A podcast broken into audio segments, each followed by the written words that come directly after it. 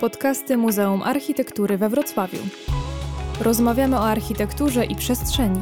Dyskutujemy na temat miast i ich problemów. Pokazujemy, jak architektura wpływa na naszą codzienność. Zastanawiamy się, jak tworzyć dobrą przestrzeń do życia. Podcastów możecie słuchać na stronie Muzeum Architektury we Wrocławiu ma.wroc.pl i na naszych profilach na Facebooku oraz Spotify. Nazywam się Mikołaj Twardowski. W kolejnym odcinku podcastu Muzeum Architektury we Wrocławiu porozmawiamy o wrocławskich zabytkach. Dosłownie kilka dni temu, mimo dużej akcji protestacyjnej, nie udało się ocalić części zabytkowego kompleksu Stadionu Olimpijskiego i takie smutne wiadomości docierają do nas co kilkanaście tygodni. I na przykładzie najważniejszych zabytków, zarówno tych ocalałych, jak i tych utraconych, postaramy się odnaleźć pewne uniwersalne postawy wobec zbiorowej pamięci, takie mechanizmy i próby ocalenia konkretnych budynków czy pomysły na ich twórcze zagospodarowanie. A na temat statusu wrocławskich zabytków porozmawiamy z trójką gości. Zdalnie łączy się z nami dr Jerzy Ilkosz, historyk sztuki w swojej pracy naukowej, zajmujący się w szczególności wrocławską architekturą. Od 2000 roku dyrektor Muzeum Architektury we Wrocławiu. A w studiu gośćmi są dr Agata Gabiś, historyczka sztuki, zajmująca się powojenną architekturą, autorka książki Całe Morze Budowania, Wrocławska Architektura 56 70 oraz Mikołaj Smoleński, architekt od lat związany z Wrocławiem, twórca inicjatywy SOFT oraz współprowadzący biuro Cecha Plus Architekci. Od 2019 roku członek Miejskiej Komisji Urbanistyczno-Architektonicznej we Wrocławiu.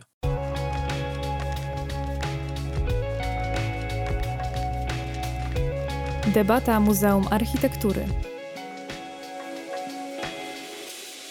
Kilka dni temu nie udało się uratować od wyburzenia części zabytkowego kompleksu Stadionu Olimpijskiego i na miejscu tego basenu mają powstać mikroapartamenty, a cały kompleks całkowicie zmieni swoje pierwotne relacje urbanistyczne. I tu zwracam się do pana dyrektora, jak to możliwe, że tak ważne dla Wrocławia miejsce zostało bezpowrotnie stracone?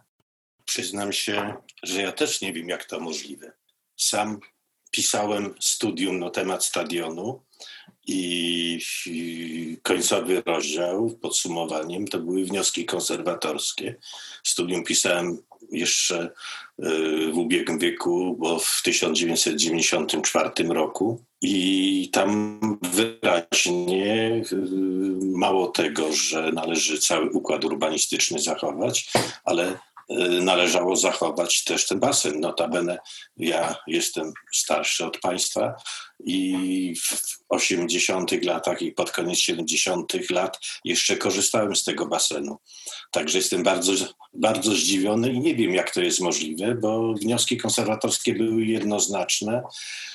Za tym powinny być wnioski od konserwatora miejskiego, też jednoznacznie nie pozwalające na wyburzenie i na budowanie tutaj w tym miejscu apartamentowca, a jeszcze i też z tego powodu, że jest to wybitne dzieło, cały ten stadion, w tym i ten basen. Ja mam zresztą filmy z lat 30. pokazujące e, ten basen żyjący, który był, że tak powiem, obiektem wzorcowym dla wielu innych ówczesnych Niemczech. I stadion wrocławski zalicza się do jednych z najciekawszych w ogóle w Europie. Jeden z trzech obok Berlina, obok Amsterdamu. Także decyzja, żeby w ogóle tak, że tak powiem, zniszczyć układ, ten jest dla mnie zupełnie niezrozumiała i ja tego nie rozumiem. Agata Mikołaj. No, o, oczywiście także ubolewam nad tym, że ten stadion, y, że ten basen y, zostaje wyburzony. Y, natomiast mam taką pewną refleksję w ogóle na temat tego całego procesu. Wydaje mi się, że w przeciwieństwie do wielu ludzi, którzy w chwili obecnej no, pomstują gdzieś, y, doszukują się ogromnych pokładów złej woli, ja mam wrażenie, że tutaj ta cała sytuacja jest sumą jakichś y, y, wielu zaniechań i, i, i, takich drobnych grzechów, a nie jakiegoś jednego wielkiego grzechu, prawda? Żyjemy od tam 30 lat w gospodarce dosyć mocno wolnorynkowej i i pewne kwestie po prostu podlegają erozji. Tylko też e, te wentyle bezpieczeństwa, które miały zadziałać, one, one nie zadziałały. No właśnie do tego zmierzam, prawda? Tu gdzieś e, zaczęły grać dużą rolę pewne partykularne, jakieś takie interesy, gdzieś nastąpiło może jakieś przeoczenie. Nikt też prawdopodobnie nie miał świadomości tego, zapisując y, tą funkcję akademika czy zamieszkania zbiorowego, tak jak to jest zapisane w planie miejscowym, też nie wiedział, do jakiej postaci wyewoluuje mm, no, format mikroapartamentów, prawda, Jakiegoś, jako takiego jakiegoś instrumentu już po prostu czystej takiej spekulacji finansowej, którą próbuje się gdzieś na wiele sposobów tłumaczyć jako no, y, danie jakieś kolejne, możli, dane kolejne możliwości młodemu pokoleniu po prostu y, zamieszkania na swoim, co ja zawsze jakieś kwituję parsknięciem, bo no bo tylko tak można skwitować. Przypominam, że AWF ma akademik niedaleko i ciągu tych nastu... Do tej pory starcza. Starcza i do, przez te naście lat nie było w ogóle takiego tematu, bo powiedzmy, że to byłoby jeszcze może bardziej zrozumiałe, gdyby to AWF na swojej działce postanowił, dlaczego akurat na tej to już może jest kwestia jakby inna, e, postanowił zbudować akademik, gdyż właśnie, nie wiem, cała masa nowych studentów jest tego, tego typu, jest to problem. Natomiast no, to jest po prostu pokłosie traktowania miasta i tych zasobów, które no, no dostaliśmy, bo to przecież y, są działki Skarbu Państwa, AWF to jest uczelnia państwowa nikt tam z własnej kieszeni za nią wtedy, kiedyś tam, już nie mówiąc o kwestiach e, tych po 45, jakby skąd się to wszystko wzięło w naszych zasobach.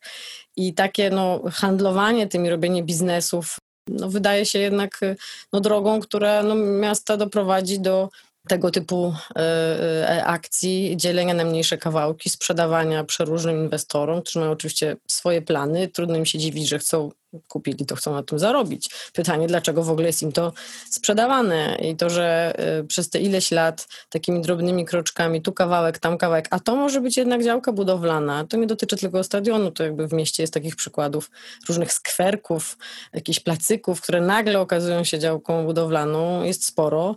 E, no i no to jest właśnie ta, e, ten efekt y, traktowania gruntów y, miejskich jako właśnie jedynie placów, które można sprzedać. Potem ten ktoś za duże pieniądze to nabędzie, a co sobie zbuduje, no to już właściwie jest jego sprawa. No właściwie kilka lat temu, jak była ta sprawa elewatora na Rychtalskiej, to ostatnio odgrzebałem jakichś pokaźnych internetowych archiwów. Towarzystwo Upiększania Miasta Wrocław napisało list do prezydenta Dudkiewicza o wpisanie właśnie elewatora e, na listę zabytków. Deweloper chciał wyburzyć, e, rozwijając tam w stronę, w stronę Odry, e, powiedzmy to na Dodrze. E, I okazuje się, że, że mimo krótkiego terminu tej inwestycji elewator jednak przetrwał. Teraz e, dużo było listów e, i, i okazało się, że obecny prezydent miasta nie zabrał głosu. Też pamiętam taką wypowiedź o tych trzech kamienicach bodajże na ulicy Pułaskiego, gdzie zachowanie tamtej pierzei było jakimś takim widzimisię aktywistów. I pytanie się nasuwa, czy, czy miastu w ogóle zależy na takim właściwym podejściu do zabytków, czy raczej jest to takie gaszenie pożarów od problemu do problemu. Jak pan sądzi, panie dyrektorze? Ja bym wrócił jeszcze do jakby poprzednich tutaj też do moich przedmówców, dlatego że ja nie znam się na handlu i być może AWF chciał przehandlować, wiadomo, że wszystkie instytucje typu uczelnie, nasze muzeum i, szukają wszędzie pieniędzy. Nie każdy ma możliwości sprzedania działki. I też nie obwiniałbym tutaj nawet prezydenta i teraz, prawda, żale y, wszystkich NGO-sów, komitetów, prawda, za tym stadionem. Ja tu najbardziej obwiniam jakby dwie instytucje. Jedną konserwatora miejskiego, bo to jest dla mnie ewidentne złamanie prawa i po prostu nie miał prawa konserwator miejski podpisać zgody, ale przede wszystkim sam plan który został ułożony. Nie wiem, kto to prawda, go sporządzał, jaka jest tam procedura. Po prostu w planie nie wolno było w tym miejscu zapisać w ogóle zabudowy mieszkaniowej. I to z bardzo prostej przyczyny, dlatego że ten basen to było jakby clue założenia urbanistycznego całego stadionu. I w tym miejscu ani plan nie powinien zezwalać na tą funkcję. Nie wolno było postawić y, żadnej prawda, zabudowy mieszkaniowej, tylko jedynie modernizować, czy ewentualnie, jeżeli wyburzyć to na tym miejscu basen, postawić, żeby to po prostu miało integralną całość. Tutaj deweloper, czy po prostu ta mieszkaniówka musiała być przy ulicy, na samym środku, przy głównym placu stadionu, to przepraszam, czy urbaniści, którzy w ogóle pozwolili na coś takiego, nie znając, to, to jest prosta zasada.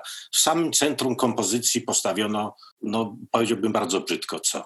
A przede wszystkim też i konserwator miejski nie miał prawa tego, nie należało niszczyć. Także ja tutaj nie mam pretensji ani do prezydenta, ani nawet do AWF-u, tylko mam pretensje do tych instytucji, czyli Biura Rozbudowy, który ten plan zatwierdził, i do konserwatora miejskiego, że zezwolili w ogóle na ten akt wandalizmu, bo inaczej tego nie mogę nazwać. Agata Mikołaj. Czy miasto w ogóle zależy na tym właściwym podejściu e, do zabytków? To jest pierwsza rzecz, a druga, czy nadal stadion olimpijski, jakby czy da się ten błąd naprawić w jakiś sposób? Czy to już poszły konie po betonie, mówiąc kolokwialnie? Po, po betonie, po, po betonie, betonie poszły po betonie. tam koparki. Ogólnie takie dywagowanie miastu o zabytkach, no to jakby wiadomo, są jacyś ludzie, są też bardzo różne miejsca. Te obiekty, jakby trudno tutaj, nie wiem, porównywać różne miejsca nawet, w, czy przestrzenie w mieście i zakładać, że jest jakaś jedna, jedna recepta. No tutaj wydawało się, że sprawa jest jasna. Myślę, że gdyby jakikolwiek wrocławianin został zapytany o Stadion Olimpijski i o y, deweloperkę, która miałaby się tam pojawić, no to tylko otworzyłby szerzej oczy, ale jak gdzie? No już wszędzie ta deweloperka, ale dlaczego na stadionie? Więc coś, co wydawało się niemożliwe, no tak jak tutaj też pan dyrektor mówi, jednak się wydarzyło. Natomiast y, no tutaj oczywiście jest kilka możliwości, począwszy od odpuszczenia, ale no na to się chyba nikt z nas nie zgadza. Droga urzędowa prowadzi, jeśli ja się dobrze orientuję, ku centrali generalnej konserwator zabytków y, i to ona jest w mocy powiedzieć stop w tym momencie tej całej budowie. No ale to, co się stało, to się nie odstanie. Część e, tego obiektu już jest faktycznie w, w gruzach. Ale też no, myślę, że przede wszystkim problematyczny jest sposób tego prowadzenia tego wszystkiego. Po pierwsze, jak do tego doszło, a po drugie, no, takie wiecie Państwo, wyburzenia robione w sobotę i niedzielę, no to są takie wyburzenia Dziwne. Takie... Przegłosowywanie ustaw w nocy. Właśnie, więc to, to tutaj już pokazuje, że no nie do końca wszyscy się czują jednak, mimo wszystko, że twierd, mimo to, że twierdzą, że mają wszystkie pozwolenia, no to jednak zaczynamy wyburzać e, w sobotę. Zatem no coś tutaj e, ewidentnie e, poszło nie tak. No ja liczę na to, że jednak ta blokada pójdzie z góry. No szkoda, że to musi się aż opierać gdzieś tam o Warszawę, że jakby sami nie jesteśmy w stanie ochronić tego, co, co mamy. No ale jeśli to zadziała, no to by i może wtedy trzeba będzie jeszcze raz się przyjrzeć tym miejscowym planom. Tu, tu mi się wydaje właśnie jest ciekawy aspekt, który poruszył już dyrektor y, Ilkosz, bo mm, dla mnie chyba najciekawszym momentem y, był, y, był prawdopodobnie ten moment, gdy uchwalano zmianę planu dla tego, te, dla, dla tego terenu, dla Stadionu Olimpijskiego. Poprzedni plan jakby podkreślał integralność tego zespołu sportowego, a dla terenu basenu przewidywał funkcję basenu. Ta funkcja została rozszerzona, więc tu pojawiły się takie zapisy znowu tak odnosząc się do naszej e, popkultury politycznej, po prostu zapisy z gatunku lub czasopisma i wiadomo, wpisano funkcję sportową, ale pojawiła się też funkcja zamieszkania zbiorowego. Sam się zastanawiam, czy ona wynikła z tego, że, że ktoś wpadł na pomysł, że to będzie świetnie, może w przyszłości zrobić tam akademik, e, bo akurat obok jest hotel, a może ktoś wpadł na pomysł, że nie wiem, albo przeżywał, że, że ten basen jest w ruinie i nie bardzo y, umiał sobie wyobrazić scenariusz, że można przywrócić ten teren do, y, do świetności, a może już wtedy po prostu, no nie wiem, był gdzieś założony jakiś pomysł na to, że ten te, teren będzie można komercjalizować. Absolutnie nie mam w ogóle żadnej świadomości, natomiast gdzieś pojawiła się jakaś inicjatywa, która y, doprowadziła do tego, że ten plan został w sposób skuteczny zmieniony ze skutkiem, który obserwujemy dzisiaj. Wcześniej też jakby musiał nastąpić podział tego terenu, podział działek i, i, to też pewnie jakiś jest y, interesujący wątek. Tu dla dociekliwych osób no, prawdopodobnie można gdzieś wystąpić o protokół z, z Miejskiej Komisji Urbanistycznej. Mówię teraz o zmianie planu i poczytać, jakie tam by zostały zapisy. No, każde posiedzenie Komisji Urbanistycznej ma protokół w formie zapisu jakichś wątków poruszanych, y, ma też y, jakieś tam wnioski, y, które są wprowadzane do, do, do, do planu procedowanego. do projektu procedowanego planu, więc być może to należałoby po prostu wnikliwie przejrzeć i zobaczyć właściwie, jakie tutaj aspekty po prostu doprowadziły do, do, do nie wiem, czy grały tutaj kluczową rolę w, w, tym całej, w tej całej sytuacji.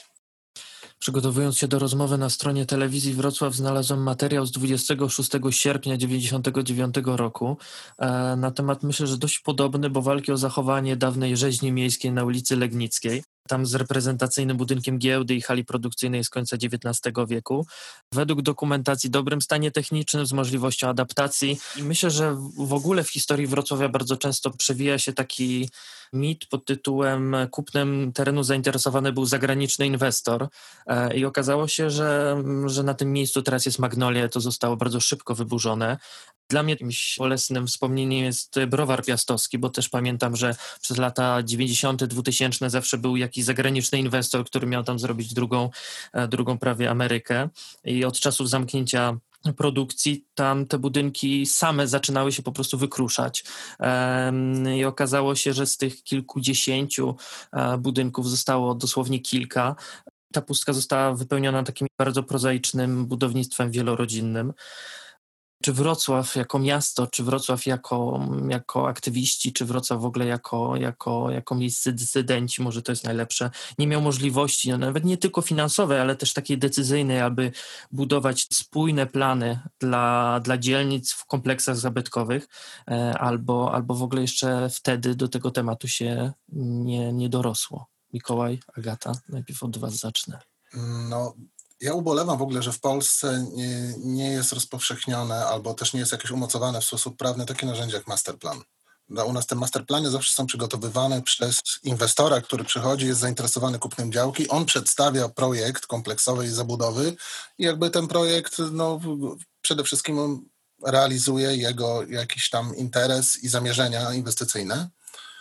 Natomiast no, z mojego doświadczenia gdzieś y, życia za granicą, czy tam kontaktu z, in, z innymi y, nie ośrodkami, czy innymi biurami rozwoju w, w, miastach y, zagranicznych, no wiem, że po prostu bardzo często takie instytucje, jednostki miejskie, jak Wrocławskie Biuro Rozwoju Wrocławia, to takie podobne, analogiczne jednostki prowadzą jakby przed przystąpieniem do sporządzenia planu miejscowego. Proces ten jest poprzedzony bardzo długim takim okresem studialnym, gdzie po prostu pracuje się jakby narzędziem do pracy jest masterplan, który buduje pewien program, buduje pewien scenariusz, buduje też przede wszystkim scenariusz przestrzenny. No, u nas brakuje jednak bardzo wielu narzędzi planistycznych, narzędzi jakichś takich prawnych do tego, aby pewne rzeczy ułatwiać, y, regulować, też jakby błędem jest to w mojej osobistej ocenie, że tak ochoczo i gwałtownie no, wyzbywamy się gruntów y, y, publicznych. Potem planowanie na takim poszatkowanym y, własnościowo gruncie jest praktycznie niemożliwe i, i stanowi jakieś pasmo od ręki. Powinny być też wprowadzone jakieś narzędzia, które by umożliwiały przekształcanie własnościowe takich gruntów i pewnego rodzaju, mówiąc potocznie, handel gruntami, tak aby je móc w jakiś logiczny i spójny sposób kształtować. No, owoce tego są takie, że, że po prostu gdzieś y, te plany bywają czasami bardzo doraźnie jakby sporządzane według recepty przygotowanej, takiego właśnie masterplanu, ale takiego biznesowego, przygotowanej przez, przez inwestora. Gdzieś na tym etapie jest, jest, następuje pewnego rodzaju ścieranie, no, próba zmniejszenia intensywności, obrona, natomiast no, to, to yy, myślę, że ta, ta inicjatywa jakby właśnie taka planistyczna, urbanistyczna no, powinna się pojawiać trochę wcześniej i ten proces powinien być dużo, dużo bardziej jakby intensywny i dłuższy i taka dla mnie jest recepta na to, aby właśnie w sposób spójny i kulturalny te, kształtować takie tereny. Tu jakby też objawia się sama jakby też ogólnie szeroko pojęta kultura w ogóle projektowania, kultura budowania, kultura podejścia do tego w ogóle, jak my się odnosimy do zastanego dziedzictwa materialnego, w którym nam przychodzi działać. No, to jest jakby temat rzeka, więc może tu postawię kropkę. Ja da Agacie oddam głos. Temat rzeka, działanie w kontekście, w kontekście, który wydawałoby się, że już wszędzie poza tym y, y, miastem i w ogóle w Europie, na świecie, wszyscy wiedzą, że tak, architektura poprzemysłowa i tereny poprzemysłowe to jest gigantyczny potencjał kulturowy, przestrzenny. Właściwie to już działa i no nic, tylko trzeba byłoby umiejętnie z tym tematem właśnie podialogować. No a tutaj mijają lata, wygląda na to, że to wciąż jest traktowane bardziej jako problem niż jako atut i no jako, że ja też przyglądam się tym miejscom i tu oprócz tych, o których wspomniałeś, to jeszcze przychodzi mi do głowy cukrownia Klecina, która poleciała właściwie w imię no, no jakiejś tam doraźnej potrzeby. A gdyby była dobra wola i, tak jak Mikołaj wspominał, e, patrzenie na miasto jednak też w takim e, dłuższym dystansie czasowym, że to nie jest tylko to, co my zdecydujemy e, dzisiaj i, i to sobie podziała przez dwa lata, to są już decyzje, które no, zmienią jakiś krajobraz funkcjonujący przez stulecia i no, może należałoby się jednak zastanowić i może popracować dłużej i przyjrzeć się temu. Mm, już abstrahując od kwestii wartości architektonicznych, konstrukcyjnych, w ogóle dziedzictwa, tego, że Wrocław był przecież miastem mocno przemysłowym, a już z tego prawie nic, y, nic nie zostało. Natomiast są to dość atrakcyjne tereny, jeśli chodzi o lokalizację, e, ogromne działki, e, zatem kończy się najczęściej tak, że z tego industrialu zostawiamy jakiś jeden element, jakąś fasadę, jakiś komin e, i to jest taki kwiatek do kożucha, e, po czym e, ile można dookoła zagęścić, tak zagęszczamy. Myślę sobie też chociażby o młynie Różanka, kreowanym na tutaj no, flagową, poprzemysłową inwestycję, a jeśli ktoś tam się przejedzie, to zobaczy, że tego młyna w ogóle nie widać, bo już został obstawiony blokami z każdej strony, zresztą wypruto tam wszystko, co można było wypróć i tak dalej, i tak dalej. To jest też, no jakby dobra, nie będę mnożyć tych przykładów, ale nie wiem dlaczego e, ciągle nie możemy jakoś e, zdecydować się na to, że tak, to jest taki sam zabytek, w sensie tak samo wartościowy tak samo ważny dla tożsamości miejsca czy mieszkańców, jak nie wiem, Ostrów Tumski. W tym sensie, że no, jeśli będziemy zakładać, że są tylko wybitne zabytki i tylko je chronimy, no to zostaniemy z jakimiś pięcioma, e, a resztę e, miasta będzie mieć taką bez właściwości, bo, e, no bo tak jest szybciej, bo tak jest taniej, bo co sobie robić problemy i planować właśnie w perspektywie nie dwóch lat, dwudziestu, a może nawet i więcej. Panie dyrektorze? No ja muszę się zgodzić z moimi przedmówcami. To wszystko słusznie, co powiedzieli. Ja mogę do tego dodać, że taki proces trwa już w zasadzie od 1945 roku, bo gdyby się tak zastanowić, to było piękne muzeum na placu muzealnym, zostało zburzone. Była poczta, to została wybudowana atrapa w postaci tylko prawda, koloru jakiejś tam wieży na placu dominikańskim. E, już nie wspomnę o tych słynnych młynach, które któryś tam z sekretarzy prawda, wysadził w powietrze i tak dalej, i tak dalej. Ale chciałbym tutaj powiedzieć, że nawet przykład rzeźni, czy yy, tutaj pani Gabiś wspomniała o cukrowni, to były takie wtedy drastyczne, pierwsze całkowite wyburzenia tej architektury industrialnej w jakim sensie y, mogę to wytłumaczyć y, no, w ten sposób, że mm, tu nawet nie wiem w tej chwili, czy miasto było właścicielem, raczej chyba nie, raczej skarb państwa, jeżeli chodzi o rzeźby. I wbrew temu, co się prawda mówi, ja to po prostu wiem, bo robiłem mm, też dokładną kwerendę tej rzeźni i znam, e, że tak powiem, jaki stan. To był stan bardzo zły, bardzo różny, ale przede wszystkim wtedy nie mieli ci decydenci pomysłu, co w ogóle z tym zrobić. Wiadomo, rzeźnia bankrutowała, nie mogła być tam rzeźnia i co z tymi obiektami zrobić, które by się tam, prawda, no to oczywiście szukali inwestora tak, jak to potrafili. Gorsza sprawa, prawda, z cukrownią, bo to ona sobie mogła tam stać na tym pustym terenie, a tam też ewidentnie, jak to w tej chwili widać, działki budowlane i osiedle domków prawda, jednorodzinnych czy, czy bliźniaków. Ale też chciałbym zwrócić uwagę, że są czynione próby, przynajmniej próby w jakiś sposób dostosowania tej architektury zabytkowej, postindustrialnej, czy po prostu różnej, jak choćby szpital na placu Jana Pawła II, gdzie jest ta rewitalizacja i przystosowanie jego do nowych funkcji, czy na przykład szpital na Poniatowskiego, co byłem zdziwiony, bo najpierw się dowiedziałem, że zostanie zlikwidowany i już się obawiałem, że to będzie katastrofa następna. Czy w tej chwili widzę coś robią, aczkolwiek no, moim zdaniem dosyć nieudolnie, z tą przepiękną piekarnią przy Sienkiewicza. No, mam nadzieję, że chociaż część zostanie uratowana i jakiś klimat ten, ten się utrzyma. Także no, wypada mi się tylko zgodzić z moimi przedmówcami. No, dodałem tylko takie uwagi, żeby chociaż troszeczkę tłumaczyć, że są pewne jakby trudności. Też trzeba brać pod uwagę, że państwo nasze no niestety nie jest ani Holandią, ani Niemcami, a Niemcy na przykład e, restrukturyzując e, Zagłębie Rury, to mieli też ogromne e, trudności. Wcale nie było to tak łatwo zrobić. Myśmy takie też próby czynili choćby w Wałbrzychu, no i tam tylko też po części się udało, ale to trzeba olbrzymie środki było zaangażować, żeby tą kopalnię, prawda, w jakimś sensie uratować, no ale to też jest jakaś atrapa taka czy inna. No to, to tyle mam, jeżeli chodzi o żeby te kontrasty zachować, to może trochę porozmawiamy o tych pozytywnych e, rzeczach, bo tu Mikołaj daje mi znak odnośnie szpitala, tego na placu, przepraszam, Jana Pawła II, bo ja, ja, się cały czas mylę, że to jest plac e, Maja. Maja. Tak, tak, ale na Jana Pawła II. No, tu właśnie pan, y, pan dyrektor wyjął mi z ust ten, ten przykład, żeby no, poszukać jakichś takich no, troszkę jaśniejszych akcentów.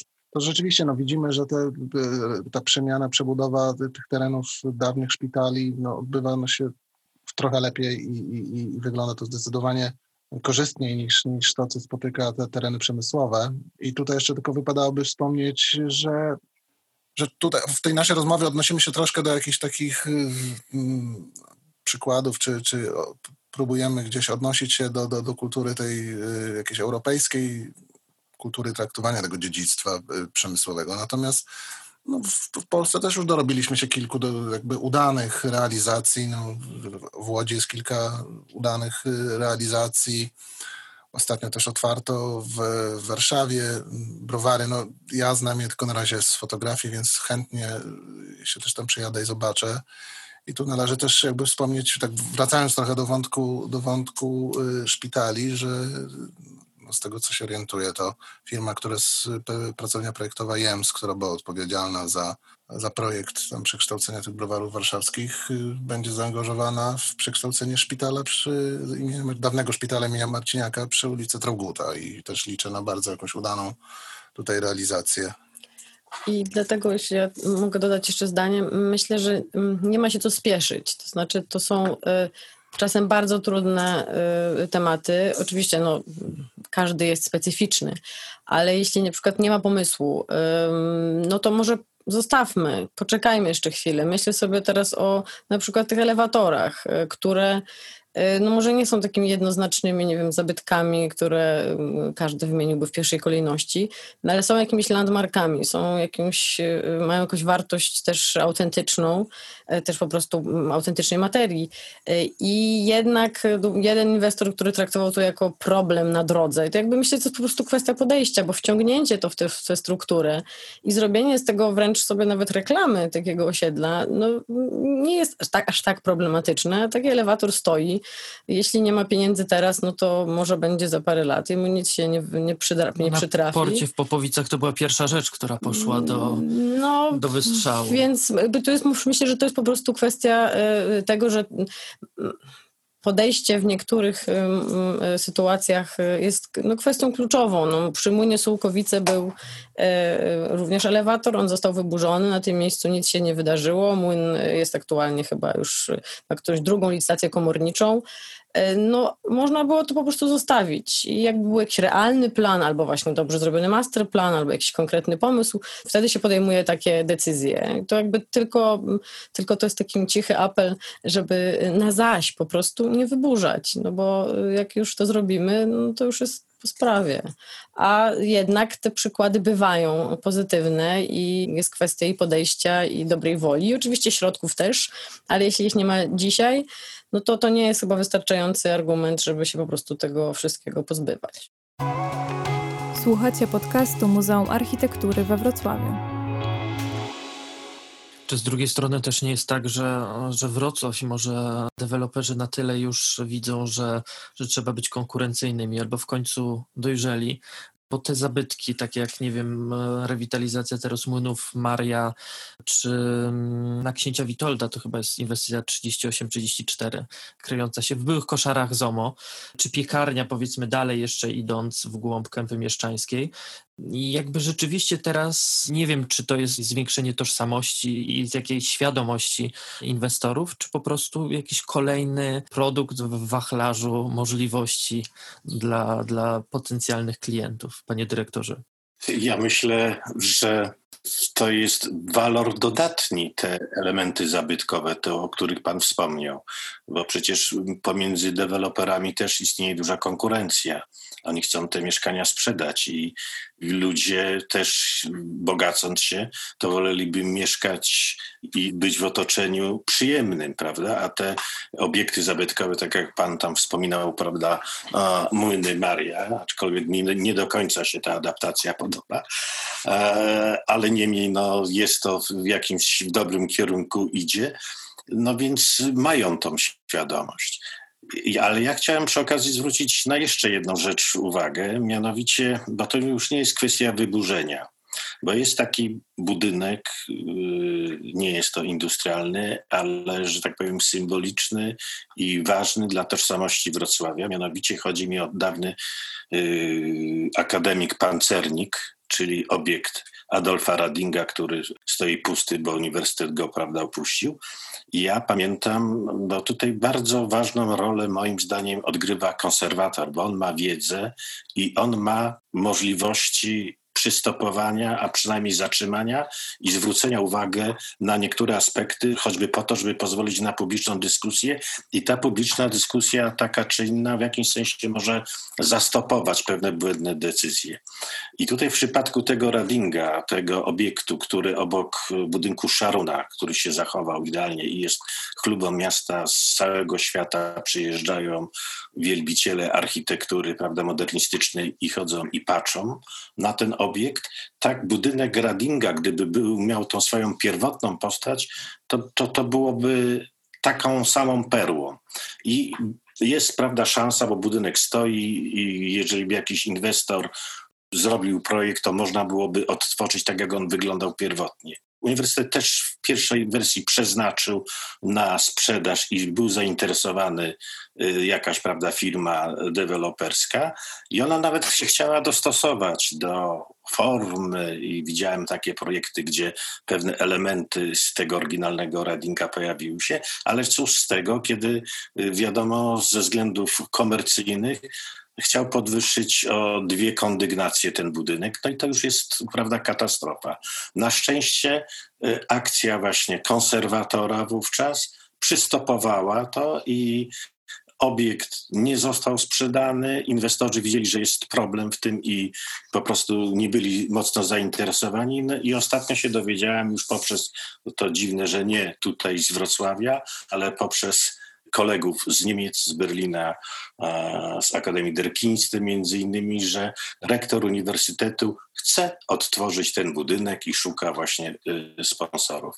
Ale to jest też zagrożenie, że jakaś, prawda, zła adaptacja może zniszczyć jakby y, no, charakter tego budynku zabytkowego, czy takiego stempla, symbolu dla naszego miasta.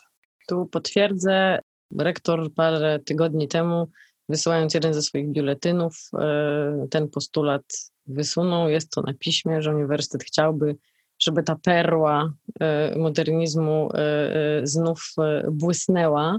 No tylko, że oczywiście jak na razie wszystko rozbija się o środki, bo to no, no nie dotyczy to tylko tej, tej placówki, ale, no, ale no wola to już jest zawsze coś, ale jeszcze jak tak e, słuchałam pana dyrektora, to w sumie też jestem ciekawa opinii na temat takiej malutkiej perełki, która nam się w ciągu ostatniego roku otworzyła, czyli pawilonu nad Fosą projektu Maxa, Maxa Berga, czyli obecnie jest to Cafe Berg, bo my tak tutaj o samych różnych katastrofach i i dramatach. Oczywiście jest to inna skala, natomiast no miejsce, które w ciągu tego ubiegłego roku nie mogło się za bardzo otworzyć, już jest dostępne. Można sobie obejrzeć, jak to zostało, zostało zrobione. Jedno z takich no, miejsc na mapie tego miasta, myślę, że charakterystycznych, ale przez wiele ubiegłych lat kompletnie zaniedbane, wraca.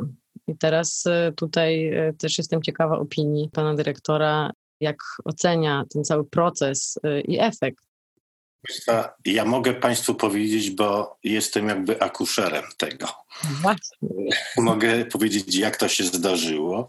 Mianowicie, będąc kiedyś na e, posiedzeniu, bo byłem tam w Radzie przy hali stulecia e, takiej konserwatorskiej, oczekiwaliśmy na przybycie pani konserwator wojewódzkiej i był pan prezydent Dudkiewicz, tak żeśmy sobie po prostu rozmawiali o niczym.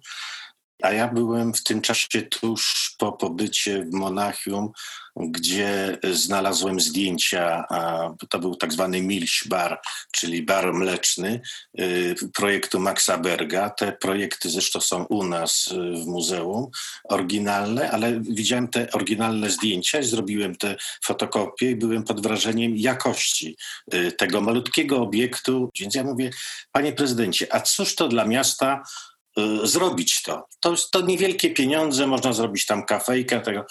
I proszę sobie wyobrazić, że prezydent to kupił i szybko podjęto jakby realizację, bo tam czym się zainteresował Sawa Borysławski, w ogóle y, Wydział Architektury. I y, ja już nie pamiętam, bo żeby mnie po prostu był projekt y, przez taką panią architekt zrobiony. Później się okazało, bo ja w środku wcześniej nie byłem, że tam fantastyczne są urządzenia gazownicze. Tego gazu nie ma, ale te takie, prawda, e, co do przesyłu gazu, to wszystko jest zachowane i to wszystko zostało zachowane. Tam jeszcze była tylko taka dyskusja, czy to można byłoby na przykład jakiś e, pomost na fosie zrobić, żeby uatrakcyjnić dla dla kawiarni. No i szczęśliwie udało się to zrobić. Ale teraz, jeżeli chodzi o jakie jest moje wrażenie, bo no po prostu wiem, jak to wyglądało. Wszystko jest tak, jak było na Berga, tylko o, architekt chciał wprowadzić te szklane ściany. I szczerze mówiąc, że y, i ja, i, i mój i, prawda, przyjaciel, y, konserwator Grzegorz Grejski, żeśmy się na to zrzymali, ale ja myślę, że ja trochę mniej, dlatego że to musi też pełnić funkcję i te szklane, e, które no, są jakby nie do końca tak, jak to sobie Berg tam prawda, wyobraził, ale też nie możemy być purystami, no musimy się dostosować do dzisiejszych czasów i na pewno będzie milej tą kawę przysiąść czy stanąć przy stoliku i wiatr nie będzie hulał, czy w zimie będzie troszeczkę cieplej. Także jestem po prostu zachwycony i się bardzo cieszę, że właśnie takie nawet drobne rzeczy, jeżeli są rewaloryzowane, jak to podnosi wartość miasta i jeżeli za parę lat też słyszałem, że niedługo się miasto przymiesza do rewaloryzacji wzgórza Libicha, bo które jest w tej chwili no, w katastrofalnym stanie, to to będzie jeden z piękniejszych rejonów miasta, zresztą nie jedyny. Ja dodam trochę łyżki dziegciu. Wrócimy do tych, bym powiedział, prawie zburzonych albo takich zabytków, które gdzieś zostały e, zapomniane, albo teraz dużo się o nich mówi. Dawna siedziba Galerii BWA, Pałac Hatzfeldów, który mm, rozgorza. Właśnie widzę reakcję Mikołaja, że ten temat chyba już jest mocno wyeksploatowany przez lata ten budynek był trochę skazany na takie powolne obumieranie, na takie wyczekiwanie trochę śmierci tego budynku. Argumenty za sprzedażą, za wyburzeniem. I przeciw sprzedaży pojawiło się wiele głosów środowiska, czy aktywistów też ze środowiska artystycznego, też różnych projektów, żeby pokazać jakieś możliwości dla przyszłych wizji architektonicznych. Tu zwracam się akurat do Mikołaja. Ty kilka lat temu stworzyłeś koncepcję, myślę, że mogę powiedzieć ideowo-architektoniczną dla, dla Pałacu Hatzfeldów albo dla tej nowej odsłony Pałacu Hatzfeldów i wydaje mi się, że, że to jest coś w jakiś sposób podejmujący ten dialog z tym powojennym takim patchworkiem tej struktury, którą widzieliśmy czy widzimy w BWA. No, muszę tu nadmienić, że jakby inicjatorem tego przedsięwzięcia to była też między innymi Agata, która tu z nami dzisiaj w studio i która też została z kolei zaproszona przez, yy, przez BWA do, do, do urządzenia warsztatów związanych właśnie z dalszymi losami tego, tego obiektu. No, znaków zapytania i w ogóle kwestii jakby takich otwartych, co robić z takimi obiektami, prawda, które pozostały w formie szczątkowej, no jest no, multum, prawda. Nasza, nasza propozycja była jedną z propozycji y, równoległych, prawda. Najbardziej y, gdzieś w 2006 roku pojawiła się ankieta wśród mieszkańców Wrocławia, którzy no, dosyć życzliwie się opowiedzieli za y, rekonstrukcją tego obiektu. No jest grupa no, olbrzymich entuzjastów odtworzenia tego obiektu, którzy no, mówią, że nawet te szczątki, które tam istnieją do dzisiaj, tu cytuję z pamięci, dają jakby taki przedsmak wielkości i znaczenia tego obiektu. Natomiast no, od razu też się tutaj pojawia no, masę wątpliwości, które mnie jako architekta tak w czysto ideowy, taki doktrynalny sposób nurtują. No bo y, no, mamy przykłady takiej architektury w. W, no, pytanie w ogóle, jak dzisiaj odtwarzać taką architekturę, która się y, no, ostała jako pewnego rodzaju dokumentacja fotograficzna i projekt, ale której w sposób materialny już nie ma. I czy to należałoby odtworzyć, nie wiem, z cegły na zaprawie wapiennej, czy, czy można to odlewać już z żelbetu, prawda? Gdzie tu jest ta granica pomiędzy e, taką rekonstrukcją wierną, odtworzeniem tego pałacu z całym jego bogactwem i z całą w ogóle funkcją, jak to jako taki pałac pełnił, no to, jest, to są jakieś miliony to znaków zapytania, prawda? Czy, czy, y, czy odtwarzać tylko fasadę, a w środku już robić sobie coś innego? No widzimy taką najbardziej zwulgaryzowanym przykładem takiego właśnie takiej już retrowersji, to jest Pałac Jabłonowskich y, w Warszawie naprzeciwko o, o, Teatru Wielkiego. No to, to jest jakiś żenujący spektakl, bo to jest tylko taka po prostu y, szopka krakowska, fasada udająca stary pałac, za nią po prostu nawet nie trzymający wysokości kondygnacji, poręcznie ukształtowany biurowiec. I, I z tego, co ja słyszę, jak, jakby śledząc głosy, które mi dochodzą, to ludziom by to wystarczyło. Nawet mam wrażenie, że środowisko konserwatorskie no, chyba najbardziej by się chciało skupić na, na, na stworzeniu takiej makiety. Ja tą taką, ją sobie tak roboczo kiedyś nazwaliśmy Eberhard Mockup. Nie, że to jest taka makieta, y, która ma nam y, przywrócić y, dawny, już zapomniany Breslau, więc myślę, że jest to pewne ryzyko, bo też nie ma jakby ostrej granicy pomiędzy rekonstrukcją a taką retrowersją, a we Wrocławiu mamy już sporo takich no po prostu wulgarnie y, retrowersyjnych obiektów, tak jak, nie wiem, zabudowa przy ulicy Więziennej, na który po prostu no, ciężko się patrzy, zęby bolą, jakieś tam gipsowe są ludziki na, na narożnikach i to dla osób postronnych, którzy mają powiedzmy sobie zawodowo niską rozdzielczość patrzenia na takie rzeczy, to jest wszystko ok, ale to widać, że to jest jakaś najzwyczajniej w świecie ściema. Natomiast no, ja też jakby ten, ten nasz projekt i nasza propozycja było pewnego rodzaju no, też próbą intelektualną tego, jak spróbować się zmierzyć z tą istniejącą jakby sytuacją no i próbowaliśmy raczej tutaj stworzyć jakby kontynuum pewnego y, takiego myślenia, że ten budynek, on jest oparty na jakichś starych fundamentach jeszcze tam, y, nie wiem, Pałacu Piastów, tam Brzeskich, Oleśnickich, potem to był jakiś pałac barokowy, potem jest właśnie, była to forma klasycystyczna autorstwa Isidore Canale, z tego, jak tam na ten temat mu twierdzi y, doktor Jerzy Kos ale też nie ma pomysłu, jakby, i to jest jakby te, te kwestie projektowe, no my zaproponowaliśmy pewien palimpsest, jakby przewieszenie nowej struktury, ale zachowanie właśnie tej zrujnowanej, pękającej tkanki, która jest, jako taką pewnego rodzaju formę ćwiczenia intelektualnego. Tutaj dużo większym ćwiczeniem intelektualnym jest w ogóle, kto by to chciał, ten, yy, ten pałac kupić, odtworzyć, za co, w jaki sposób, czy to... Pamiętam tu zapowiedzi bardzo takie zdecydowane, dawnego y, architekta miejskiego Piotra Fukrzyńskiego, który mówi, że no, absolutnie takie obiekty powinny być wyłaniane w formie konkursowej, z pełnym budżetowaniem publicznym. Natomiast no, też pytanie właśnie, jaka tą funkcja y, miałaby, czy BWA, czy, czy właśnie funkcja galeryjna, czy funkcja mieszana. To są otwarte pytania właśnie te, dla dzisiejszych jakby gospodarzy, włodarzy miasta pytanie, no właśnie, y, w jakiej to formule miało być zrealizowane, w jakiej kubaturze i, i, i, komu się to będzie, mówiąc tak pospolicie, opłacać, żeby wchodzić w ten interes. I tu jakby się pojawiają w ogóle wątki, do których chciałbym wrócić, takich narzędzi, które po prostu miasto nie ma, nie? Nie mamy, y, no, przeżywamy jakieś teraz y, problemy, jako wszystkie miasta tutaj w polskie, no, jakieś problemy budżetowe związane czy z pandemią, czy no, czy z jakimiś powiedzmy kłopotami gospodarczymi i no, to, to pytanie będzie wracać jak bumerang, jak, jak po prostu zapinać miejskie budżety.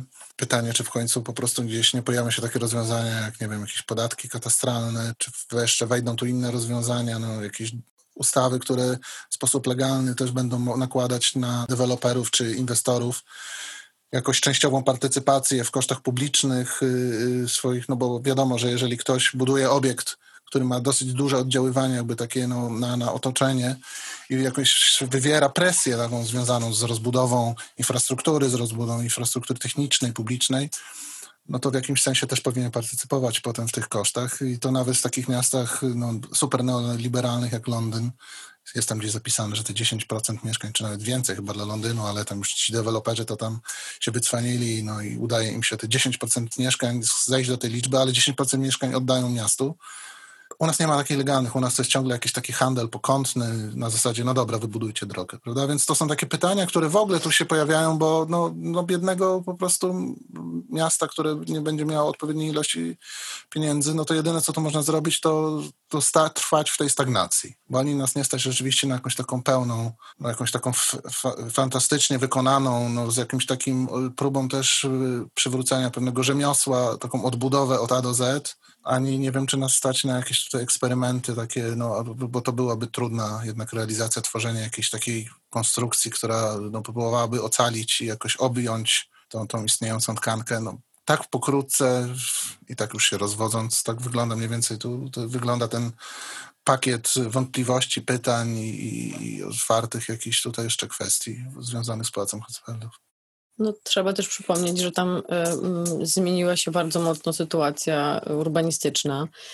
Y, to był zresztą jeden z powodów dla tych warsztatów, y, które robiliśmy razem z BWA, czyli taka próba ucieczki do przodu. Znaczy, tu zaraz pojawi się ogromna skala. Pojawiły się też po prostu prace ziemne, które doprowadziły do tego, że ta konstrukcja, która no tyle o ile jednak stała, no to, to tego po prostu nie była w stanie już wytrzymać i stąd te, to zagrożenie, które się tam takie realne pojawiły, trzeba w ogóle zamknąć był obiekt. E, I właściwie no trochę teraz e, e, myślę sobie o tym, że to się obróciło przeciwko nam. To znaczy, chcieliśmy zrobić taką trochę burzę mózgów na zasadzie, co dalej z tym miejscem, czyli coś, co się właściwie w Wrocławiu rzadko robi. Czyli jeszcze nie żadne miejscowe plany zagospodarowania, jeszcze nie żadne super precyzyjne tam liczenie, ile kondygnacji, ile nie, tylko mamy miejsce, to miejsce się zmienia i już wiemy, że będzie obok ogromna kubatura, ogromny biurowiec. Stąd no, zaraz pojawi się pytanie, y, co z tym y, niskim w sumie y, obiektem, który jest w nie najlepszym stanie technicznym, no to spróbujmy się zacząć już zastanawiać. I według mnie kierunek e, taki właśnie, że, że zaczynamy się zastanawiać zanim to się zawali jest kierunkiem całkiem słusznym, natomiast potem okazało się, że e, te projekty, które właściwie no, trudno nazwać, to były koncepcje, to przecież no, nikt tu nie robił, to nie były warsztaty projektowe no to one e, były wyciągane gdzieś z rękawa na zasadzie popatrzcie, jak będzie strasznie. Bo ja byłam na paru takich spotkaniach, gdzie przeciwstawiano zdjęcia przedwojenne pałacu z właśnie tutaj takimi roboczymi y, y, rysunkami z, z myśli. No właśnie, tak na zasadzie może tak, może wcale nie, ale no, no pomyśl po prostu, zastanówmy tak. się, bo się wszystko tam przecież zmieniło. Na tych zdjęciach przedwojennych nie było ogromnego biurowca, który teraz stoi obok y, BWA. Stąd no takie trochę, tak trochę potem okazało się, że właściwie nikogo specjalnie nie interesuje taki nie wiem, większy namysł albo po prostu przymierzenie się do kilku opcji, albo nawet jeśli chcemy, to zróbmy te makiety. Niech to będą różne makiety, niech w tym też będzie ta, no pytanie, na ile rekonstrukcja, na ile po prostu scenografia, bo, bo tutaj była mowa o odtwarzaniu w taki czy inny sposób fasady, a reszta to już jakoś tam jakoś tam będzie. Zresztą w międzyczasie też w, w, w, ciągu tych powojennych lat pojawiło się tam kilka e, różnych przymiarek, o tym też rozmawialiśmy, e, ale no nie dość, że się e, ten pomysł takiego właśnie roboczego zastanawiania nad miejscem nie bardzo przy, przyjął, to jeszcze potem okazało się, że musimy się z tego gęsto tłumaczyć w pewnych środowiskach, niekoniecznie architektonicznych, bo tam jednak zrozumienie takich no, po prostu przymiarek i koncepcji jest większe, a tak, no to jest obrazek, aha, czyli to będzie wyglądało tak. Wtedy w ogóle nie było wiadomo, że miasto to będzie sprzedawać. Wtedy raczej, w sumie dalej to, do końca w to nie wierzę, bo z jednej strony mam argumentację, że tak wyjątkowe miejsce, tak bardzo wartościowe, unikatowe, zabytek i tak dalej, i tak dalej, po czym no, puszczamy to na wolny rynek, a wolny rynek, no co, czy będzie się jakoś tak super przejmował, że to jest takie wartościowe? No ma, różnie bywa, oczywiście, no może będzie tu jakiś wielbiciel klasycyzmu i postawi, no nie wiem, właśnie, klasycystyczny pałac, ale tu trudno już nad tym dywagować i jak Mikołaj mówi, no czasy są i idą ciężkie, no ja się obawiam, że żeby to po prostu nie skończyło się na wyprzedawaniu wszystkiego jak leci, żeby załatać różne, różne dziury, no bo sprzedać i puścić jest no, stosunkowo łatwo, a potem no trudno y, to wszystko jakoś w miarę y, sensownie czy upilnować, czy po prostu zostawić to chociażby, żeby to było w jakiejś gestii miasta i żeby to było na przykład trochę dla mieszkańców. No BWA czy pałac w takiej formie był jednak instytucją publiczną, było to dosta- ogólnodostępny obiekt. Co będzie, jeśli zostanie to y, w, tylko w rękach prywatnych? Czy można kogoś zmusić do tego, żeby zostawił parter dla, nie wiem, kultury, usług, dla mieszkańców? No, no właśnie, ja mam taki, e, to taki trend, to partnerstwo publiczno-prywatne miało być takim, takim rozkwitającym kwiatem dla, dla miasta na Wyspie Słodowej i okazuje okazuje się, że rzeczywiście ta inkluzywność jest bardzo nikła i to raczej czasami tylko z najwyższej kondygnacji, ale, ale ten budynek nie zaprasza tak, jakby mógł zapraszać. Ale tutaj wracam jeszcze do tego BWA i oddaję głos panu dyrektorowi. BWA dla mnie to jest bardzo ciekawy obiekt, jakby z, kilku względów, o czym Państwo tutaj prawda, wspominaliście. Jest pewne, że był to bardzo ważny budynek dla Wrocławia, jeżeli chodzi prawda, o historię jego jako pałac prawda, Hatzfeldów, później siedziba rejencji wrocławskiej, czyli po prostu coś w rodzaju urzędu. I teraz jest problem taki, że zachowała się ta struktura do w zasadzie półtora kondygnacji, bo to jest więcej niż parter, y, y, a tak na dobrą sprawę też nie do końca dwie pełne kondygnacje jakby oryginalnego zabytku świadka historii, który został przekształcony po wojnie przez profesora Małochowicza i to też była jedna z takich ciekawych koncepcji pożenienia jakby obiektu zabytkowego z modernizmem, bo te prawda, witryny, które były takie symbolem BWA, no to jest to jego dzieło. Ja muszę powiedzieć, jeżeli chodzi o doktrynę prawda, konserwatorską, to jestem zupełnym przeciwnikiem rekonstrukcji. Inna sprawa, że być może należałoby ten parter w jakiejś formie zachować. Tam są, prawda, oczywiście problemy techniczne, ale myślę, że w dzisiejszych czasach to jest trywialna sprawa, bo to w ten czy inny sposób można to rozwiązać.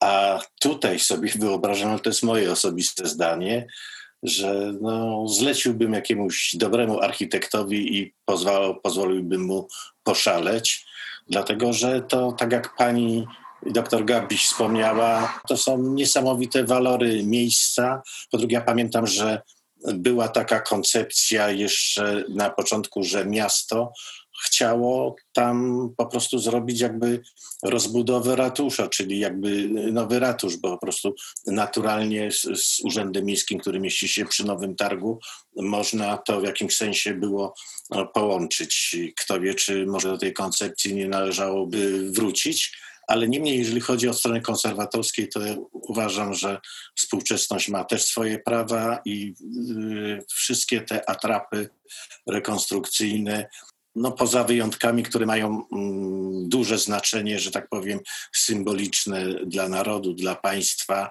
e, no bo na tej zasadzie została warszawska Starówka zrekonstruowana, Gdańsk, no po części też i Wrocław i, i, i bardzo dobrze, bo to by też inaczej wyglądało, ale wracać na przykład w tej chwili do tej pierwotnej formy Pałacu Hatzfeldu w tej czy innej formie, bo właśnie te pytania, które Państwo zadawaliście, do której formy barokowej, czy tej późniejszej klasycystycznej, czy jeszcze tej przebudowy e, kiedy tam miała pełnić ta e, funkcję e, rejencja, miała w tym obiekcie być, to jestem zwolennikiem, że budować nowocześnie, w jakiejś części zachować ten świadek, który jest i tam nadbudować, no, można postawić pytanie, jakiej kubatury, bo oczywiście tam się e, sytuacja zmieniła, jest ten olbrzymi biurowiec Maćkowa obok, czy to ma sięgać do tej kubatury, czy na przykład y, zachować gabaryty pierwotne, czyli tyle kondygnacji, ile pierwotnie miał pałac, ale to są w ogóle zagadnienia do dyskusji i, i ja myślę, że jeżeli by się chciało, to wszystko można zrobić. Takie jest moje zdanie. Słuchacie podcastu Muzeum Architektury we Wrocławiu. Przyszedł czas na potencjalnie, potencjalnie tylko najmłodszy zabytek Wrocławia, czyli Solpol, który dosłownie kilka, dosłownie kilka tygodni temu znowu rozgrzał e, opinię publiczną e, wrocławską, może nawet do białości albo do czerwoności. Do różowości. Do różowości, tak. Ale stonowanej. Stonowanej różowości, tak.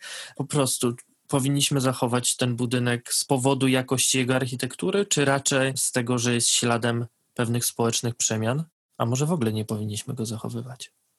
To się wszystko nie wyklucza, yy, znaczy, albo inaczej, to się wszystko łączy, bo yy, jeśli yy, spojrzymy na kryteria, którymi są powiedzmy oceniane obiekty mające zostać zabytkami, to one są dosyć zróżnicowane. To znaczy mamy tutaj oczywiście i kryterium artystyczne, ale też historyczne, kryterium um, uznania współczesnych, konstrukcji. Jakby to jest dosyć złożona, um, złożona sprawa i ona nie dotyczy tylko tego, jak coś wygląda, bo um, akurat w wypadku Solpolu ta rozmowa, czy też rozmowa, te różne opinie, dyskusje, one naprawdę, no nie wiem, ponad 90% dotyczą tego, że jest, wygląda tak albo inaczej. No, komuś się podoba, komuś się nie podoba. Oczywiście tutaj sprawa dosyć względna, ale mm, bardzo rzadko ktoś się zastanawia nad tym, jak e, urbanistycznie jest to tam wszystko zaaranżowane.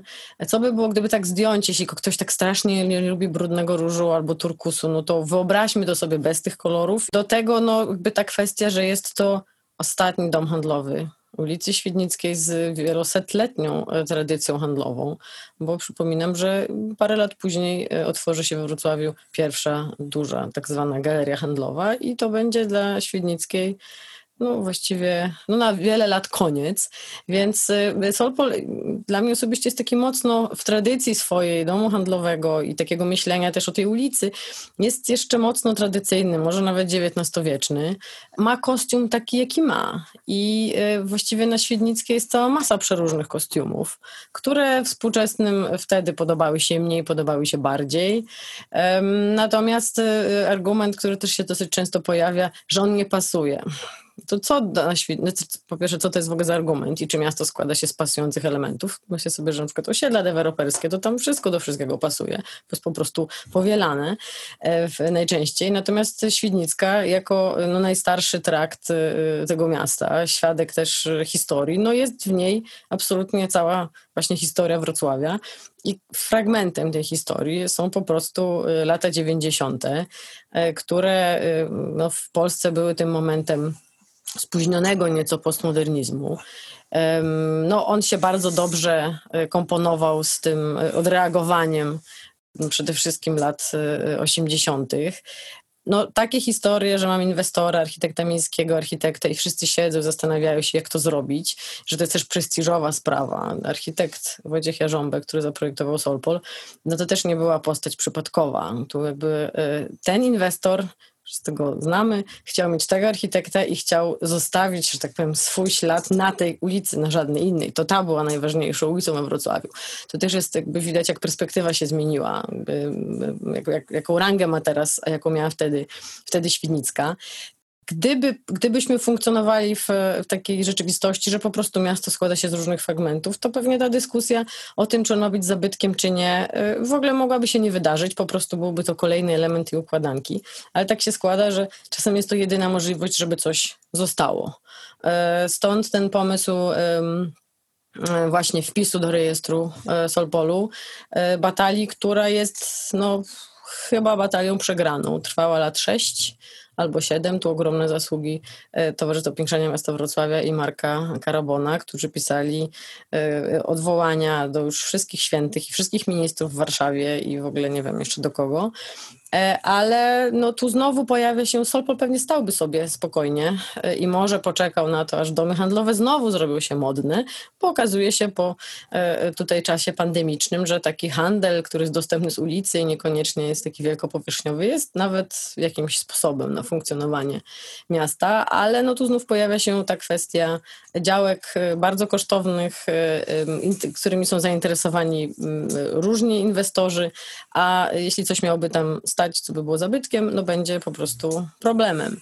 Ale też z drugiej strony e, myślę, że takich dużych kontrowersji mimo koloru nie wzbudza plomba na Wybrzeżu Wyspiańskiego. Myślę, że podobnych problemów też nie wzbudza kościół na Popowicach, a ten Solpol okazuje się być jednak problematyczny. Może to po prostu nie jest, e, bym powiedział, e, wysokich lotów architektura w porównaniu do całego dorobku Wojciecha Jarząbka. No, ale to było takie pytanie na przykład, czy Piazza d'Italia y, to, czy to jest architektura wysokich lotów. No, to jest jakieś. No, ja osobiście mam y, takie ambiwalentne lekko podejście do, do Solpolu, bo y, ja go tak troszkę nazywam, że on tak się wpisuje w taki nurt właśnie kontrrewolucyjno-festynowy. Prawda? To ewidentnie się czuje, że, że gdzieś y, za tym projektem stoją takie emocje związane trochę jakby z odreagowaniem tej no, takiej technokratycznej, dystopi, dystopijnej y, rzeczywistości projektowej, gdzie po prostu y, projektowano pod zasięg, wy, znaczy pod wysięg żurawia i, i, jakieś tam kilka systemów y, prefabryko, prefabrykowanych płyt. I tutaj ta radość jest ewidentna, natomiast no, osobiście tam wolę troszkę inne nurty, mam innych faworytów we Wrocławiu. No, chociażby jednym z nich jest, żeby tutaj też oddać hołd Wojciechowi Jarząbkowi na kościół na Popowicach, który zdecydowanie bardziej wolę. Natomiast no też ja nie rozumiem w ogóle natężenia tych emocji. One są dla mnie jakieś, sięgają w ogóle absolutnie, nie wiem w ogóle, nie rozumiem też dlaczego w ogóle ten budynek trzeba wyburzyć. To znaczy właśnie ostatnio... No właśnie, bo to jest dla mnie, no, byliśmy świadkami tak dużych i znaczących przebudów, jak, nie wiem, przebudowa Renomy, prawda, która naprawdę wymagała no, olbrzymich jakby nakładów jakiejś myśli inżynierskiej projektowej, a tu mamy do czynienia w sumie z niewielkim obiektem. To, co w tym budynku jest takie najbardziej charakterystyczne, jest tak naprawdę jego, jego fasadą i tą strefą komunikacji, która jest no, taką absolutnie w kontekście tej całej działki, na której ten budynek ma być rozbudowywany, jest częścią taką no, znikomą, jeśli chodzi o masę tego budynku. I na pewno dla jakiegoś każdego architekta, no, który nie żywi złych zamiarów względem tego budynku, jego jakaś adaptacja, tak aby go włączyć w sposób funkcjonalny i jakiś sensowny, w, powiedzmy sobie, w taki bardzo pragmatyczny, praktyczny biurowiec, czy nie wiem, jaka to funkcja jest przewidziana, nie jest jakimś zadaniem w mojej ocenie szczególnie no, nie, zadaniem niemożliwym. No właśnie, Więc... ostatnio rozmawialiśmy z Olgą Drendą na temat tego hejtu, że okazuje się, że to jest chyba jeden z, może jeszcze Hotel Sobieski w Warszawie, ale że to jest jeden z nielicznych budynków e, z polskiego postmodernizmu, który jest aż tak bardzo znienawidzony przez ludzi, którzy się w ogóle na co dzień architekturą nie interesują. I co no, w tym jest takiego? To właściwie bardzo dobrze o nim świadczy, bo dobra architektura e, w, jest punktem powinna dyskusji. wzbudzać kontrowersje. Jak no, niech wszyscy wzruszają ramionami, no to, no to takie architektury, czy też budownictwa, które można e, podsumować wzruszeniem ramionami, to myślę, że mamy pod dostatkiem. I może też dlatego, e, dlatego ten Solpol no trochę tak symbolicznie dobrze byłoby ocalić. Tutaj to, to, to, to, co do tego, co Mikołaj mówi, ja też absolutnie jestem przekonana, że trochę dobrej woli można tam skleić jedno z drugim, ale znowu wracamy do leitmotivu dzisiejszej rozmowy. Po co sobie robić kłopot? To znaczy, można mieć czystą działkę, na której miejscowy plan przewiduje taki, a nie inny maks, granicy działki, wysokości. Solpol to tylko wspomnę, że ma taki zabieg przestrzenny, jakże rzadko dzisiaj już spotykany, czyli odsunięcie kondygnacji po to, żeby wyeksponować sąsiedni gotycki kościół, no y, możemy, moglibyśmy teraz założyć, nie wiem o ile, że nowa kubatura ktoś tam pojawi, nie będzie się już żadne takie rzeczy bawić, bo y, prawdaż zapis w planie jest taki, a nie inny, stąd zawsze można uzyskać trochę metrów. I no, no jest to sprawa absolutnie po prostu prozaiczna, no ale też właśnie pokazująca, że y, no jednak ta sztuka nawarstwiania, dodawania, no ciągle nie jest jakoś specjalnie ceniona. Mm. Ja tu tak o siebie dodam, że jak się rzeczywiście popatrzy gdzieś czasami na jakieś zdjęcia z, z drona czy z lotu ptaka, jak się, jak w ogóle jaka jest proporcja kubatury współczesnych obiektów do tych obiektów, nie wiem, jakichś powiedzmy sobie z lat 80., 90., to, to, to, taka trochę jest sytuacja jak z współczesnymi samochodami, nie? że mieliśmy gdzieś jakieś takie dosyć w miarę niewielkie samochody osobowe, dzisiaj wszyscy jeżdżą suwami i te budynki też wyglądają tak jakby po prostu, nie wiem, upierniczył je szerszeń.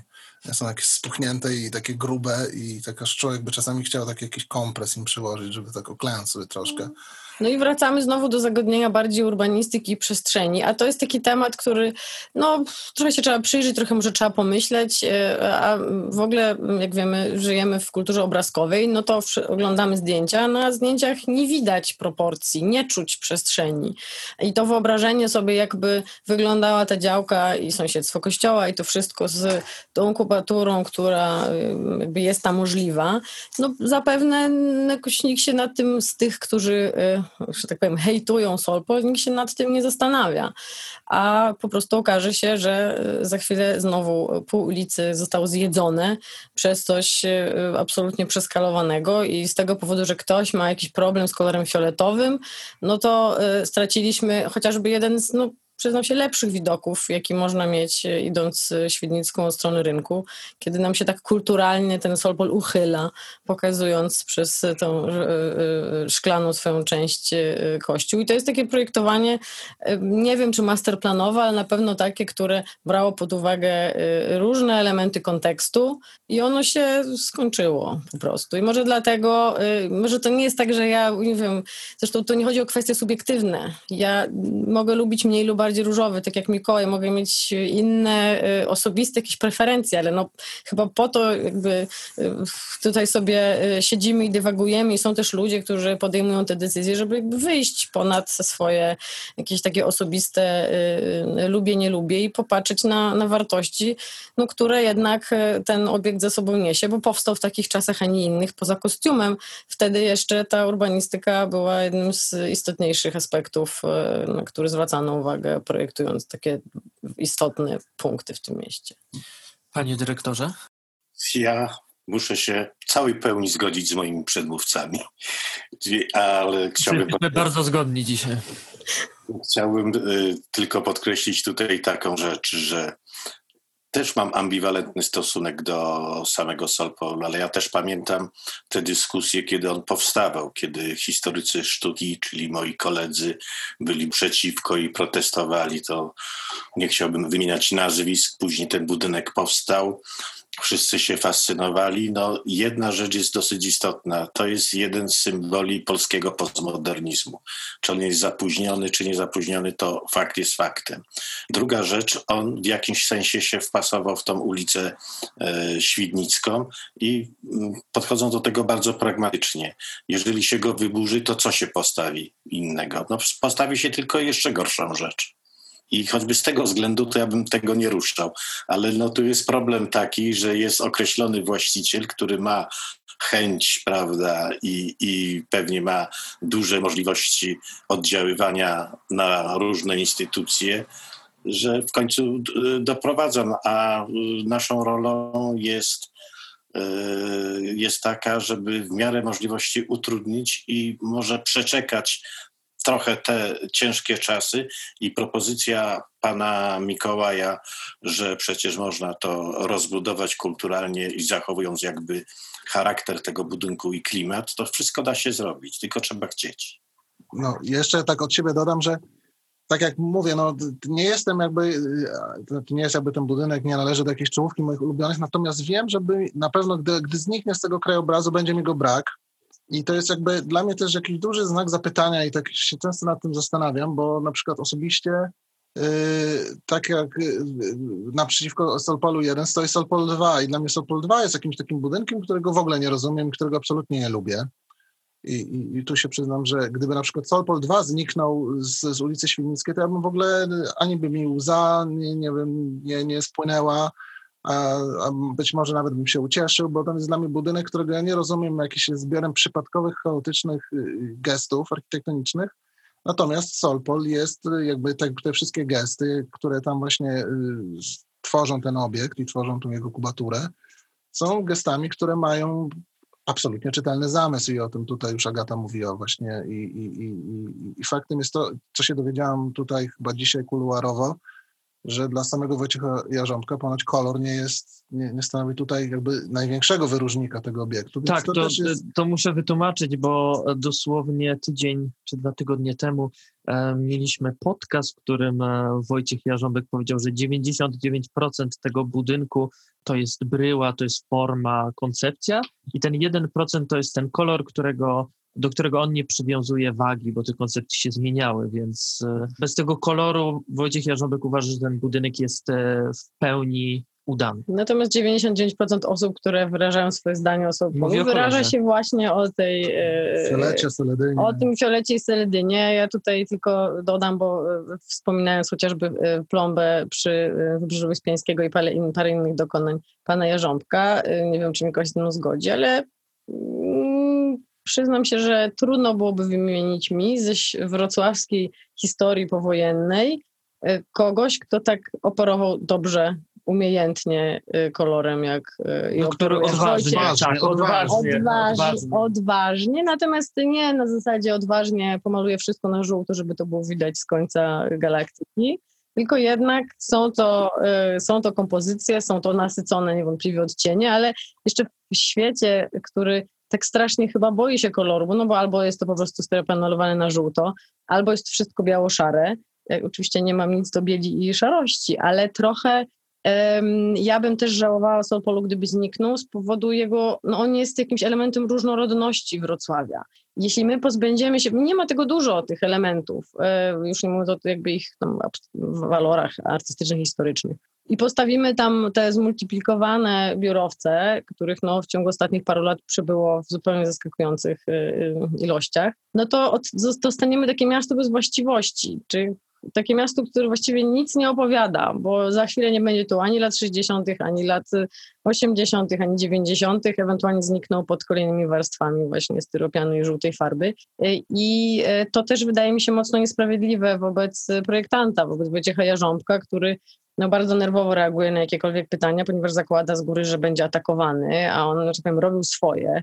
Robił to umiejętnie, robił to z gestem, niewątpliwie. Był taki moment. Dlaczego on ma za to przepraszać i dlaczego ma udawać, że było inaczej? No, taki był moment, taki, takie fragmenty Wrocławia zostały wtedy e, e, tutaj w tę tkankę e, wszyte, wmontowane, no to no, amputując je, co dostaniemy w zamian znowu. Pytanie otwarte. Możemy sobie na tym dywagować, ale no jak komuś wytłumaczyć lata 90. Po prostu trzeba Pokazać pójść na Świdnicką i, po, i popatrzeć. Zobaczcie, to był po pierwsze dom handlowy, bo wtedy takie działały, a po drugie tak można było projektować i urbanistycznie, architektonicznie.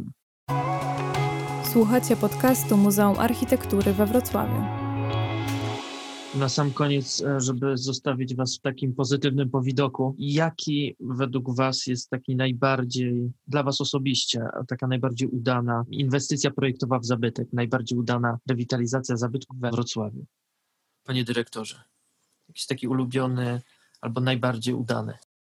Proszę Państwa, nie mam jednej, mam kilka, a powiem, że nie będę obiektywny. Dla mnie największą w ogóle takim momentem re, re, rewitalizacji zabytku to jest pawilon czterech kopów i przystosowanie go na tą galerię e, sztuki współczesnej nawet, Muzeum nawet Narodowego. tym dachem, przepraszam, że przerwę, nawet z tym takim dachem e, dość pokaźnych rozmiarów.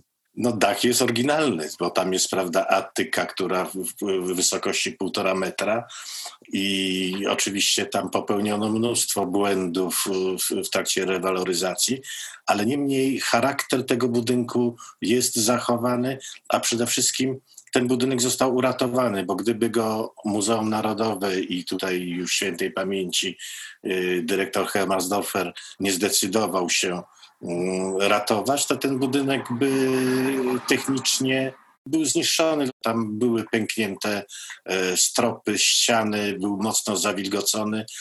To mnie cieszy, ale cieszy mnie też to właśnie Cafe Berg, cieszy mnie e, e, też z dużymi trudnościami rewaloryzacja hali stulecia, Cieszą mnie to, co wspomniałem jeszcze na początku, prawda, rewaloryzacja tych szpitali i w takiej czy w innej formie, no bo te zabytki będą uratowane i to będzie ten świadek Wrocławia, takiego wielkomiejskiego, europejskiego miasta zachowane. I oby jak najwięcej, ja myślę, że każdy zabytek powinniśmy w miarę możliwości ratować, ale oczywiście rozsądnie.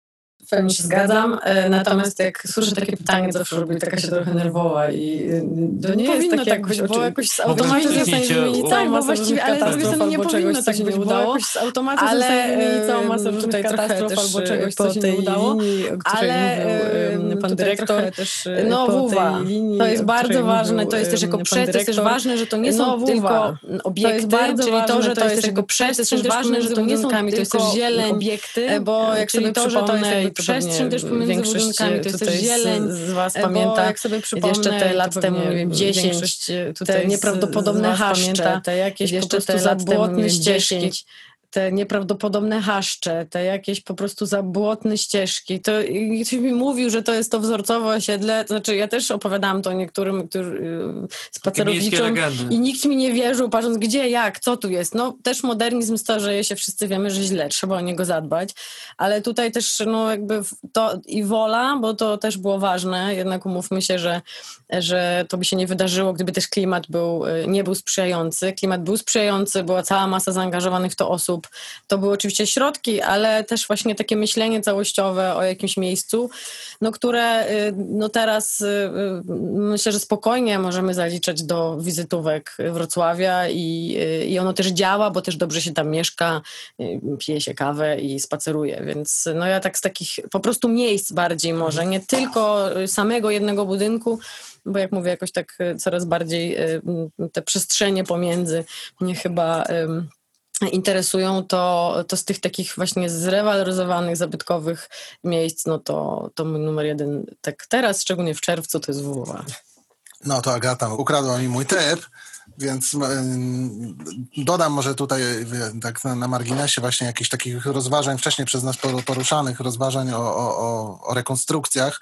No tu tutaj też ważnym było czynnikiem ta jednak decyzja o odbudowie spalonego przedszkola, bo gdzieś nastąpiło to szczęśliwie pewne przesilenie i to jakby odnosząc to do naszej dzisiejszej sytuacji związanej ze stadionem, no ktoś po prostu jakby, no opinia publiczna, ale także też włodarze miasta doszli do wniosku, że nastąpił po prostu gruby przypał i ten teren został odkupiony od tego jakiegoś szemranego dewelopera i, i, i, nastąpiła no, rebudowa, prawda, czyli odtworzenie tego budynku. Natomiast no, on stoi jednak w jakiś, no, no, było to działanie dosyć szybkie, było to działanie no, jakby no, takie leczące tą traumę, nie? gdzie wszyscy stwierdzili, że, że ten teren już chyba jakiś skazany na zatracenie i rezultat jest fantastyczny i tutaj rzeczywiście to był bardzo wzorcowy projekt, jakby proces no, przejęcia tego terenu, odtworzenia i, i te tu się zgodzę z Agatą, i, i, natomiast mnie cieszy taki drobiazg i chciałbym go jakby tutaj y,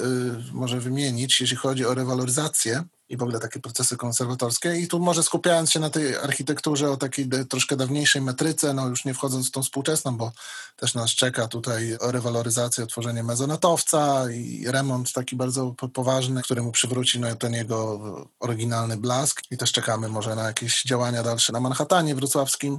Natomiast mnie cieszy z taki właśnie, jeśli chodzi o, o dawniejsze obiekty, coś, co, co do czego miałem duże wątpliwości, a mianowicie rewaloryzację i remonty kamienic w chwili obecnej obserwujemy absolutnie no, wysyp tych, tych remontów. No, być może one są też takie no, częściowe, bo to są remonty części wspólnych, czyli remonty klatek schodowych i remonty y, tych głównych fasad.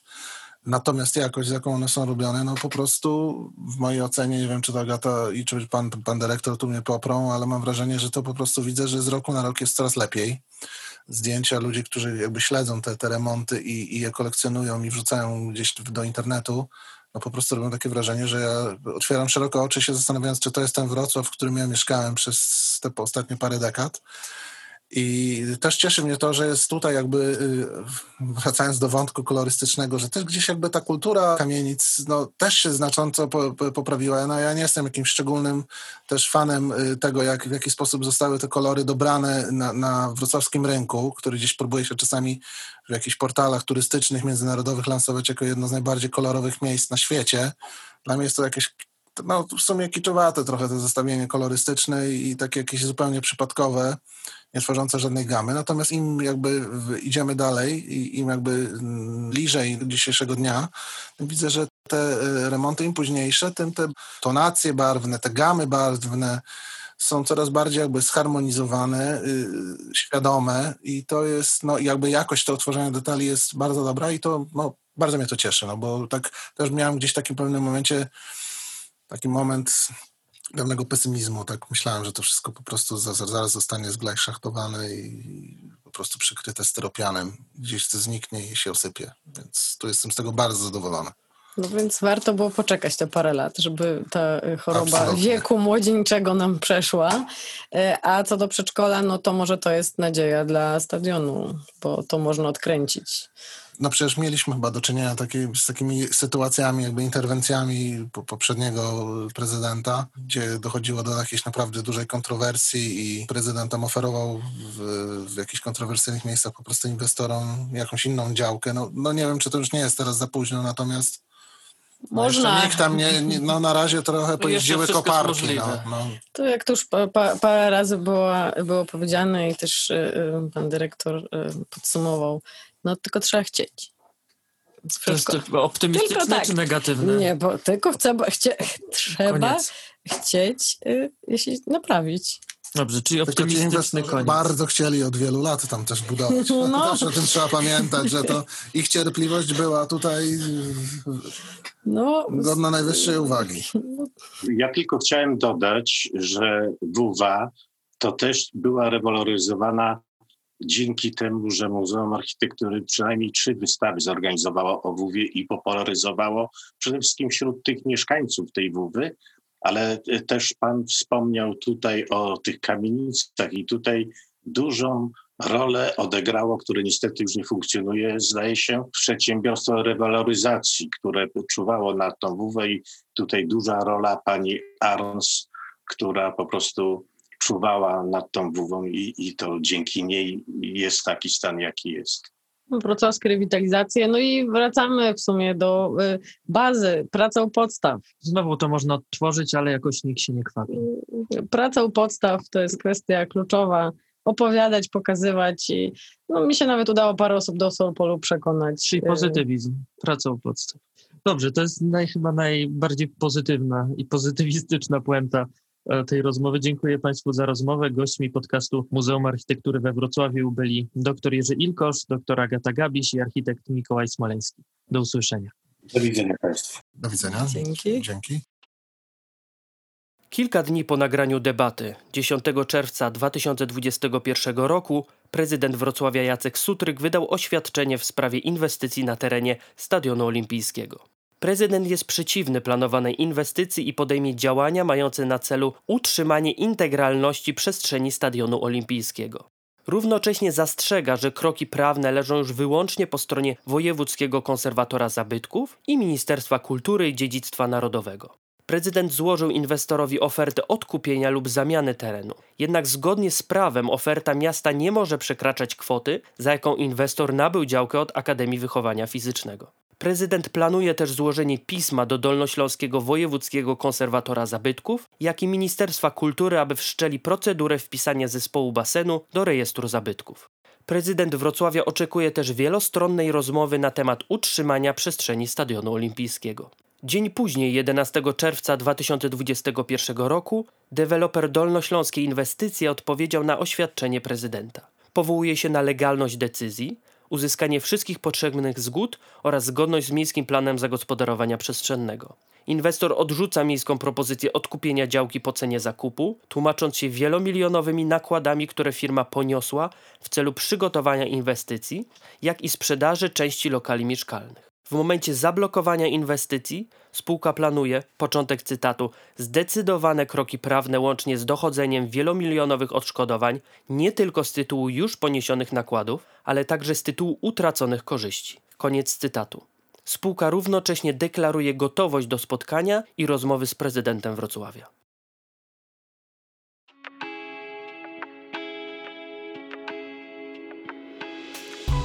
To był podcast Muzeum Architektury we Wrocławiu.